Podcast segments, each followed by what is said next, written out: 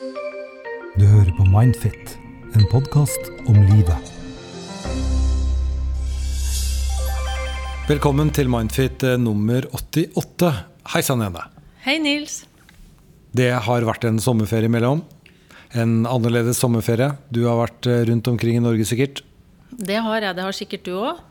Og jeg har jo vært i Nord-Norge, eh, og det skjønner du vel at det er det fineste stedet i hele landet. Men jeg er jo ikke den eneste som har vært der, da. Jeg har ikke hatt ferie. Jeg skulle ha ferie nå på fredag og reise til Hellas, men det går ikke pga.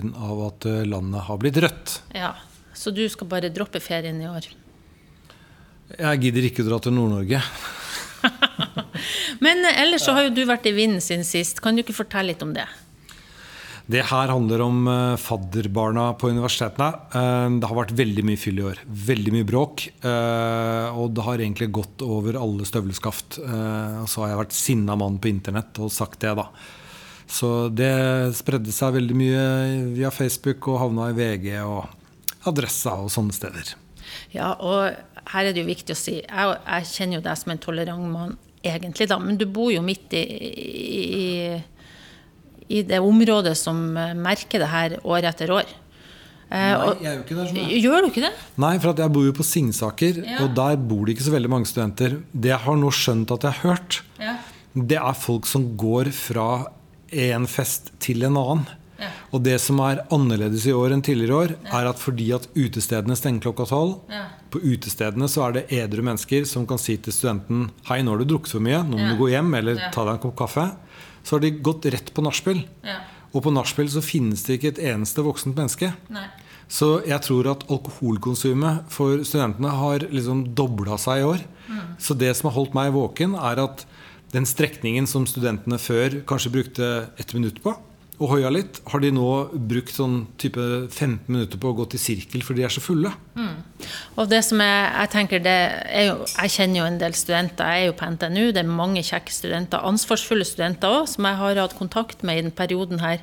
Det jeg syns er veldig leit, da, for at jeg møter jo også en del studenter som har Sjøl de i risikogrupper og sånn, de har jo ikke kunnet vært med. De har jo vært veldig utrygge. Eh, fordi det har ikke vært eh, sånn at smittevernreglene holdes hele tida.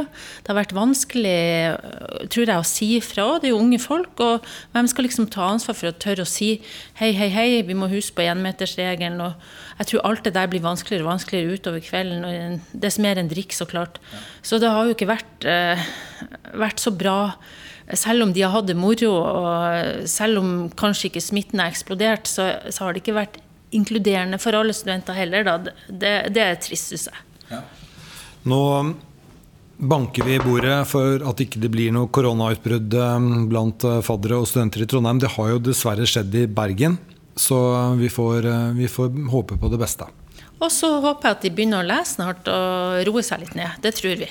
Nå er de blakke, så det tror jeg går greit. Så da ønsker vi dem lykke til. Egentlig kjekke folk som det har sklidd litt utfor, kanskje. Vi kritiserer kun de vi er glad i, og derfor kritiserer man NTNU og studentene. Studentene skal jo redde verden, og vi trenger dem edru, og vi trenger dem eh, belest. Skal vi ta, vi, det er jo vanlig to spørsmål eh, som vi skal gjennom. Ja. Um, så da begynner jeg rett og slett på det første. Eller, vil du beskrive de to spørsmålene vi skal gjennom, sånn cirka overskriftsmessig? Det, altså, det, det, det er jo en sånn gjenganger, da, men, men, det ene går jo på det her med selvfølelse og egenverdi. Men nå er det jo eh, venn, en venn som har skrevet inn. Det får vi jo noen ganger. Altså venner som bryr seg og lurer på hvordan de skal hjelpe til. Eh, det andre er det her med å være i forhold og det å klare å stole på folk når du har bagasje. Ja. Da begynner vi med venninnen. Da leser jeg. Hei, min bestevenninne har i lang tid hatt det vanskelig, og jeg vet ikke hva jeg skal gjøre for at hun skal få det bedre. De siste årene har hun blitt mer innesluttet, men har ikke før nylig bestemt seg for å fortelle meg hva det dreier seg om. Hun har fortalt at hun på et vis ble trigget av at noen hun visste hvem var, tok livet sitt, fordi hun kjente seg igjen i noen av tingene i den personen slet med. Det er en rekke ting hun har fortalt om. Hun sliter for det første med ekstrem lav selvfølelse og selvverd, og forstår ikke hvordan hun som menneske har verdi eller fortjener å bli hørt eller sett. Hun forstår ikke hvordan noen kan velge henne overfor andre. Hun grubler mye, sover dårlig, har mye skam knyttet til følelsene og tankene sine, veldig høye krav til seg selv, har vært i et forhold med en som aldri har prioritert henne osv. Jeg tror hun har en eller annen form for depresjon som ikke gir slipp. Jeg er selv psykologistudent og har forsøkt å overbevise henne om å gå til psykolog, fordi de siste årene har det som sagt gått jevnt nedover med henne.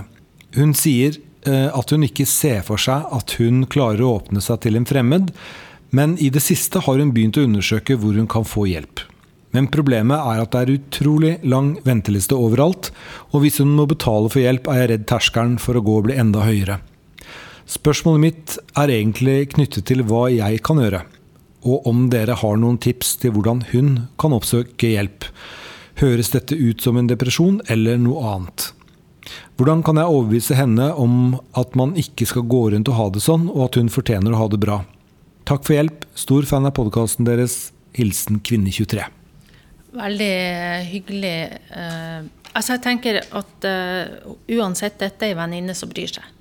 Mm. Og som prøver å hjelpe. Og jeg må jo si uh, første skritt er jo egentlig tatt da, siden denne venninna som har problemet, hun har jo begynt å åpne seg og fortalt noe om hva hun strever med. Og det er jo kjernen i det òg, dette med denne skammen som, som det blir snakk om. At, at, for mange som strever, så er hinderet eh, blir skammen. At, at, det jeg føler på, det jeg tenker på, det er ikke verdt eh, å sette fokus på. Jeg kan ikke si det til noen, jeg må skjule det til noen. Så en vet jo egentlig at god psykisk helse handler jo om å, å i bunn og grunn akseptere eh, hele seg. Så, så selvfølelse eh, Selvverdet. Ja, hvis du tenker selvfølelse som at du må lære deg at du må takle hele deg. Altså, altså det betyr jo også at det er jo ingen av oss som er perfekt. Vi har jo både gode og dårlige dager og gode og dårlige sider. og, og det å, å, å, bare starte med uh, f.eks. hvis jeg blir sinna eller lei meg for noe, uh, og med en gang liksom skal tenke nei, jeg må ikke vise at jeg er sinna, jeg, jeg, må skjule at jeg er lei meg, det er noe sånn skamme, det, jeg burde ikke tenke sånn. Så har du et problem, vil jeg tenke bort, altså Alternativt er jo mer å, å, å, kunne stå litt ved det en tenker og føler. og Ikke det at en alltid må agere på det, det, det er ikke det jeg mener. men altså Du kan jo også holde ting for deg sjøl, men, men, det må jo starte med en aksept i deg sjøl. Uh, og en forståelse for ikke at du er best, men at du er like verdifull som alle andre. Mm. Men jeg skjønner én uh, ting her. At uh, det er vel en terskel også å gå til en helt vilt fremmed og liksom bare åpne opp hele sjela og liksom skal fortelle den alt. Man kan være redd for hvordan vil denne personen ja, Man kan være redd for konsekvenser. Hvordan ser denne personen på meg? Vil det ha en konsekvens for mitt uh, videre liv? Og hvis man er så langt nede i uh, depresjonen, ha, hvorfor skal jeg gjøre det? Har det noe poeng? Det koster meg bare masse penger. Jeg, jeg er dømt til å ha det så ille. Jeg er dårlig. Ja, det, det, er jo en sjanse å ta også fordi eh, det er jo ikke sånn at alle som kommer og, og, får hjelp, føler de får god hjelp. Eh, og hvis du har det sånn i utgangspunktet at du sjøl har mye skam rundt ting, strever med å finne ord, så er du jo avhengig av å møte noen som du opplever vil deg vel, og som kanskje ikke er for stiv i formen, da, tenker jeg. Mange av de som jeg snakker med, eh, de er opptatt av det. Altså, det som mye taushet, f.eks. tilbakeholdenhet hos terapeuter, det kan jo egentlig gjøre at den andre får mye overføring. Altså, det er jo ikke sånn at den som er taus, nødvendigvis fordømmer deg, men det er det du kan tenke der du sitter i tausheten.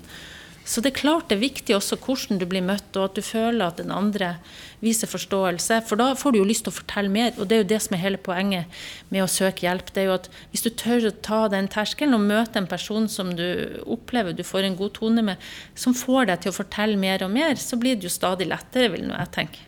Men øh, hvis øh, hun øh, har tid til å vente de minimum seks månedene som ventelisten er på, så er det jo litt fascinerende hvordan det er da, men dette å gå til psykolog. Det er det samme som du trenger en snekker, men du, du, kan ikke bestemme hvilken snekker. Du kan ikke se hva snekkeren har gjort. Du får bare utdelt et stykk snekker, og så skal du la snekkeren få lov til å bygge huset ditt. Ja, det er jo litt sånn, eh, men nå er det jo også sånn at folk kan søke eh, noe informasjon på nettet. og Blant annet så er det jo laga noen sånn legelister og sånn, og der har jo folk lagt inn anmeldelser på en del eh, leger og psykologer. Den, den, jeg husker ikke hva den heter, den lista. Men jeg skulle si noe som jeg syns var veldig fint, for at jeg sjekka litt. For én ting er liksom det her å komme seg til psykolog, og, og det er jo som du også sier, lang ventetid og høy terskel ofte.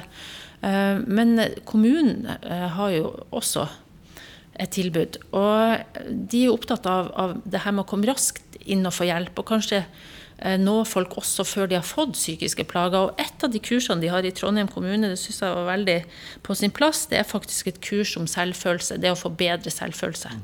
Og, og det jeg synes, og nå vet jeg ikke hvor denne innsenderen bor, men jeg tenker en, mange kommuner har jo sånn type tilbud. Det jeg syns var så bra med det kurset, jeg skal lese litt for deg hva det skal handle om. Eh, selvfølelse og selvkritikk og hvordan forbedre lav selvfølelse, det er ett tema. Og hvordan forstå og hvordan håndtere ubehagelige følelser. Det var egentlig det jeg snakka litt om. At, at, noen av de følelsene du kjenner på, øh, kanskje du tenker de er litt forbudt eller litt skamfulle. Eh, tilføre makt i eget liv, unngå å havne i den utmattede offerrollen. Det er et godt poeng. Eh, mange som har lav eh, selvfølelse, som tenker at de ikke har like stor verdi som andre, de har jo heller ikke grenser. De strever med å si fra at 'dette liker ikke jeg', eller 'dette vil ikke jeg være med på'. Så det, det, det, det gjør jo noen ganger at du kan havne i den rollen at du alltid bare er prisgitt de rundt deg. ikke sant? Mm. Eh, og så bli bedre kjent med og bedre i stand til å ta vare på egne indre behov. Det er det jeg snakker om. Grenser. Så det var et spennende kurs da. Som vi regner med at uh, de fleste byene har. Så, så, så det er jo én ting. Men jeg bare tenkte på en annen ting. Man er en venninne, og så er hun også psykologistudent. Og da ville i hvert fall jeg tenkt på hva slags rolle går du inn når du rådgir din venninne. Jeg vil i hvert fall på det sterkeste anbefale at du bevarer venninnerollen og ikke på en måte blir en sånn ikke ferdig psykolog, hvis du skjønner hva jeg mener. Og at det er en sånn altså, Du kan jo selvfølgelig bruke de tingene du lærer mm. på studiet, men du er der som venninne. For da har du en, en, en ren rolle. Eh, bare lurer på hva du tenkte om det. Og så nummer to er eh, Det var altså et selvmord som eh, trigget dette for venninnen. At hun tenkte liksom Kjente seg litt igjen. Hva gjør du hvis jeg som venn har en venn eller venninne som jeg tror står i fare for å ta sitt eget liv? Da, da må man vel gjøre noe? Ja, det er jeg enig med deg eh, Da er det jo faktisk sånn at, eh, at det skal være litt lav terskel inn. Eh, så dette med selvmordstanker, det å få vurdert av en profesjonell hvor reelt er det, er det en faktisk fare? Eh, det går jo an å ringe, eh, det går an å kontakte fastlegen og via det komme inn på akuttambulant team på de her distriktspsykiatriske sentrene. Det går også an å ta kontakt med legevakta. De gjør jo sånne vurderinger. Gjerne i samarbeid med uh, psykiatriske sykehus. da. Så jeg tenker det er vel en av de tingene en som venninne skal slippe å sitte alene og bekymre seg for. Men jeg tenker også at noen ganger uh, når en snakker om selvmord og har fokus på det, så kanskje en blir for opptatt av å finne ut om folk skal gjøre det eller ikke, og så stoppe noen av de samtalene en kan ha rundt meninga med livet. Det har jeg tenkt på mange ganger når folk kommer til meg. Min jobb er jo ikke bare å vurdere skal du gjøre det eller ikke, men å gi et rom der vi kan snakke om det. Som kanskje kan hjelpe folk også til å uh, ta noen valg da, på også å leve. Mm. Altså, hvis ingen tør å snakke med deg om det her, så, så blir det jo nesten enda verre. Men, men, her er, er, det jo sånn, tenker jeg, at det må være lov som venn å bli bekymra og redd og tenke at dette klarer jeg ikke på egen hånd. Men hva skal venninnen gjøre da? Den venninnen som er bekymra? Nei, jeg tror du må starte med å snakke om det. Altså med vennen din. Nå, ten nå, tenker jeg, hvis uh, jeg har en venn som uh, sier jeg vil ta selvmord, hva gjør jeg da? Altså Hvis vennen sier direkte ut 'jeg vil ta selvmord', det er jo veldig sterke ord. Uh, så vil jeg jo tenke kan du ikke hjelpe den personen å få kontakt med et profesjonelt hjelpeapparat da? Hvis den personen sjøl ikke får til det. Eh, det tror jeg særlig med ungdommer og sånn, det er lav terskel for å komme inn og få hjelp til å vurdere det der. Og det burde jo også være det med alle. Og jeg tror uh, akkurat det her er helsevesenet ganske god på. Det å liksom få avdekka hvor akutt det er akkurat nå. Det problemet er jo å få hjelp over tid. Ja, men du kan ringe 113, rett og slett? Altså 113 det er jo mer når du står på brua, da, mm. tenker jeg. Eh, men vanligvis er det jo ikke så akutt. Vanligvis er det jo sånn at du kan få deg en avtale til legevakta eller til fastlegen eller til distriktspsykiatrisk senter. Eh, om rollen venninne eller psykologistudent, hva mener du der? Ja, for det fristende, altså, og det er jo litt sant. Altså, jeg tror en del eh, folk som studerer psykologi, de er jo genuint interessert i mennesker og har lyst til å hjelpe andre. Eh, og det er klart at eh, det er vanskelig å skille Du lærer jo ting, eh, og du bruker jo det i rollen som venn. Men det er jo viktig å passe på her at ikke du blir en som bare sitter og lytter på andre. altså Eh, en del psykologer og psykologistudenter tror jeg de må venne seg også til å ta plass, de òg. Altså, og i et vennskap så, så, skal du ikke bare være den som lytter og forstår. Da. Så jeg tror også det er viktig for folk altså folk som plages, liker jo også å være til hjelp. Eh, og mange av de som plages, sier jo at de ønsker jo gjerne ikke å være en som bare belaster. Mm. Så, så ikke bli en som bare lytter og forstår. Eh, prøv å tenke på deg sjøl og dine grenser og behov. Du har én ting til. Mm. Dette med er denne personen deprimert? Ja. Uh, ja, vanskelig å si, uh, vil jeg tenke. Men når du har uh, slit med lav selvfølelse, så er jo en av de sårbarhetsfaktorene så klart at du kan få veldig mye negative tanker rundt deg sjøl, skyld, Eh, er ikke bra nok. Eh, dette er jo så klart også tanker som folk som er deprimert, veldig ofte har. Det er jo tanker som tar veldig overhånd eh, hos mange deprimerte. Det er en del av depresjonen. Så her kan det jo være Det kan være gråsoner. Det kan være, så klart kan det være en depresjon. Det trenger ikke være det, men det kan være en sårbarhet for en depresjon. Men depresjoner er litt ulike, da.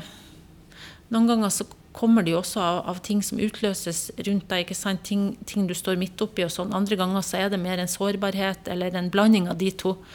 Så jeg vet ikke, Det er i hvert fall ikke denne psykologistudenten som skal finne det ut. Og vi kan jo heller ikke svare på 100% om det er det eller ikke. Men du høres ut som en veldig god venninne. Det kan vi si. Helt enig.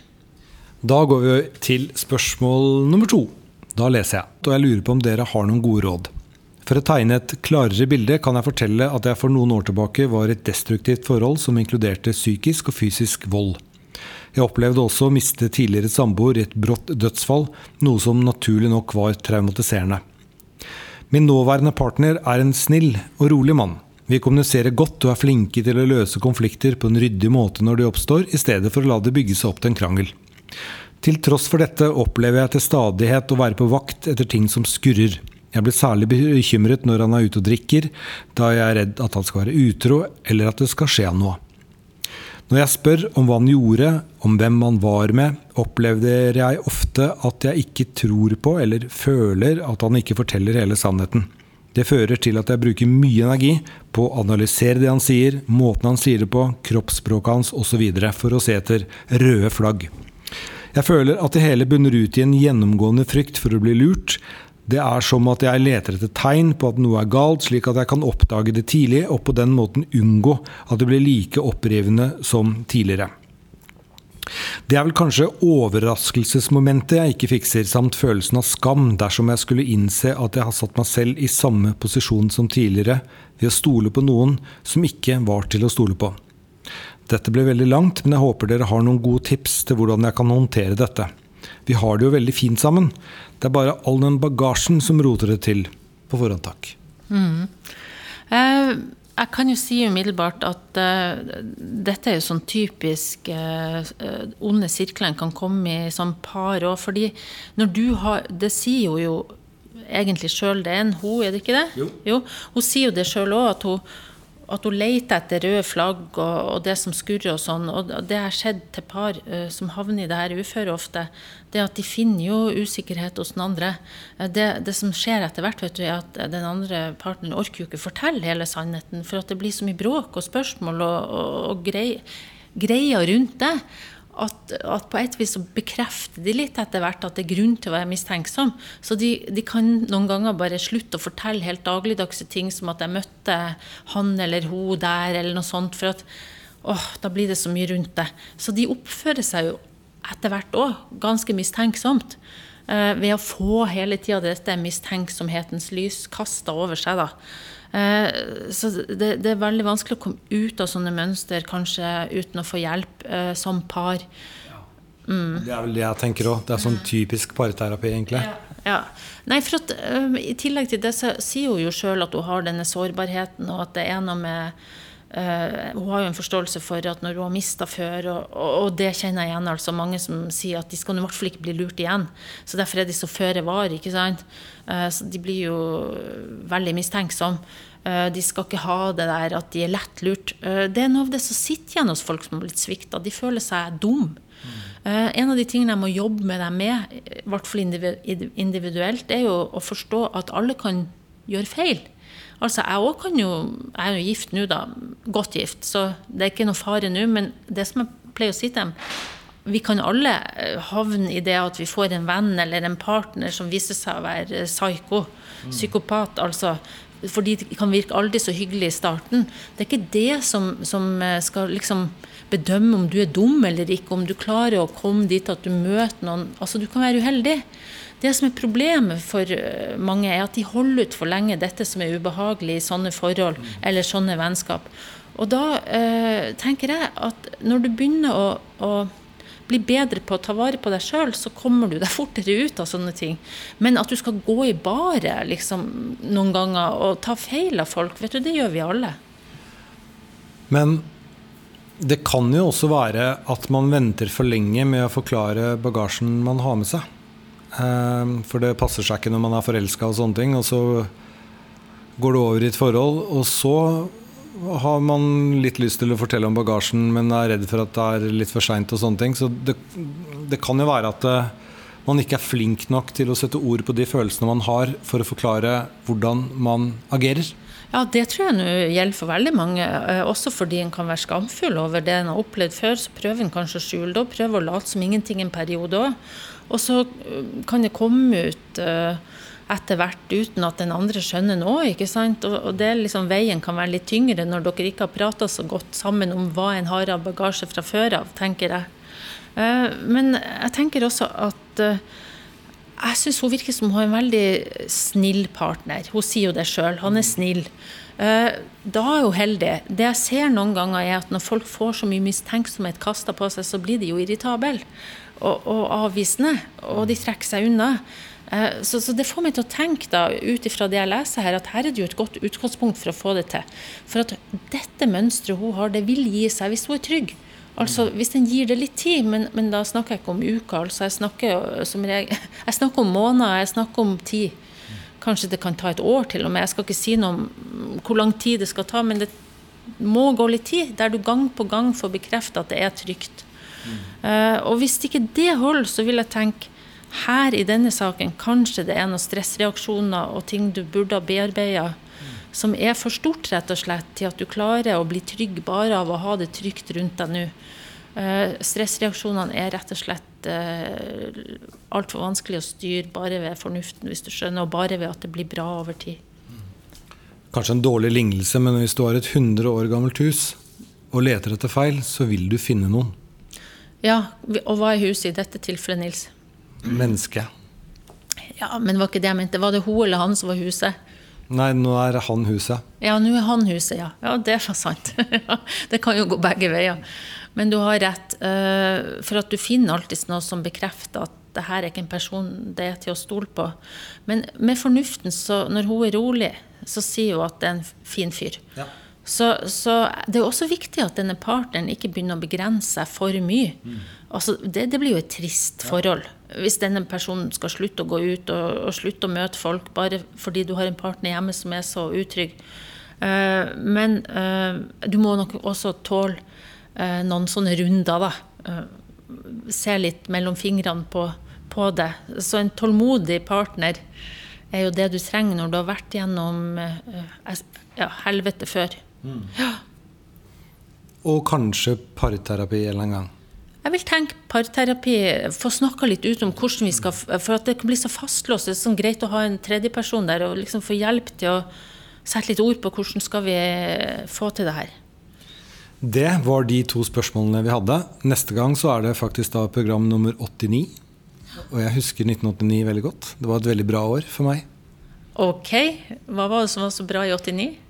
Det kan jeg fortelle om neste gang. Ja, veldig bra. Da har vi en sånn Hva heter det? Cliffhanger? Ja. ja. Ja, du får ikke sykla noe særlig du nå? Nei, vi trenger jo ikke snakke om det, da, men jeg har jo gått eh, litt bratte fjell i Nord-Norge. Ja. Jeg trodde jeg var den fødte Nå, fjellklatrer. ringer- nå ringer pizzaen som du bestilte, så da må vi faktisk avslutte nå. Ja, vi må avslutte nå. Ha det bra! Du hører på Mindfit, en podkast om livet.